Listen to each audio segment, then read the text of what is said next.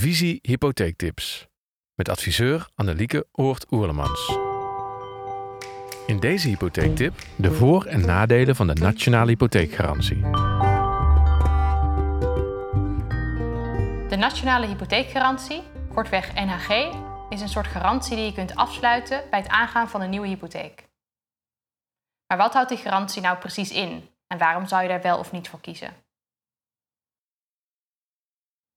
Allereerst is die nationale hypotheekgarantie niet voor alle woningen mogelijk. Er is een zogenaamde kostengrens. Voor 2020 is die vastgesteld op 310.000 euro en dit wordt jaarlijks aangepast aan de gemiddelde huizenprijs. Alleen woningen met een koopsom daaronder, dus met een koopsom tot maximaal 310.000 euro, komen in aanmerking voor NHG. Nationale hypotheekgarantie is, zoals de naam al zegt, een garantie, een vangnet, een soort verzekering. Het is een verzekering tegen het geval je de woonlasten van de hypotheek niet meer kan betalen als er iets ergs gebeurt. Het kan zijn dat je langdurig ziek bent en arbeidsongeschikt raakt, werkloos, dat bijvoorbeeld je partner overlijdt of jullie uit elkaar gaan.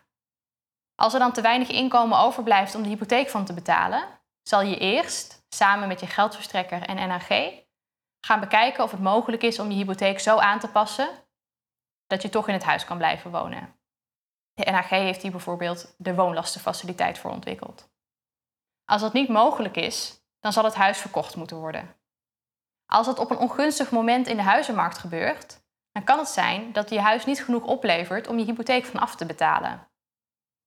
Je huis staat dan onder water, er blijft een restschuld over. Hiervoor staat de NHG garant.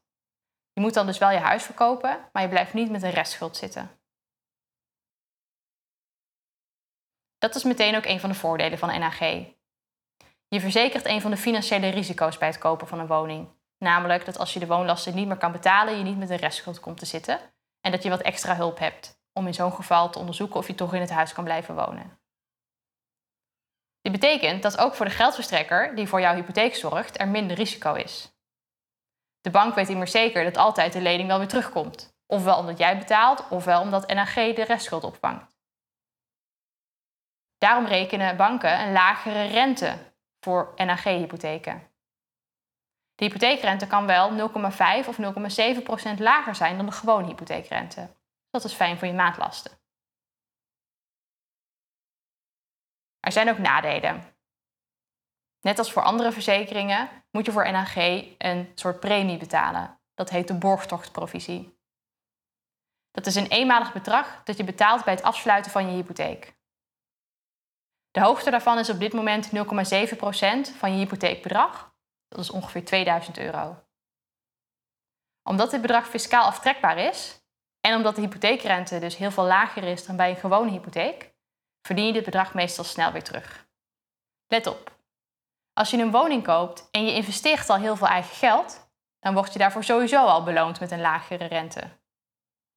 Laat in zo'n geval je adviseur even goed doorrekenen of het voor jou financieel nog zinvol is om NHG af te sluiten of niet.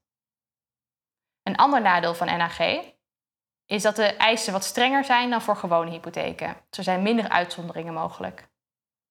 Dit merk je bijvoorbeeld als je beroep wilt doen op een speciaal doelgroepenbeleid, bijvoorbeeld voor promovendi of artsen in opleiding. Dat kan niet met NHG.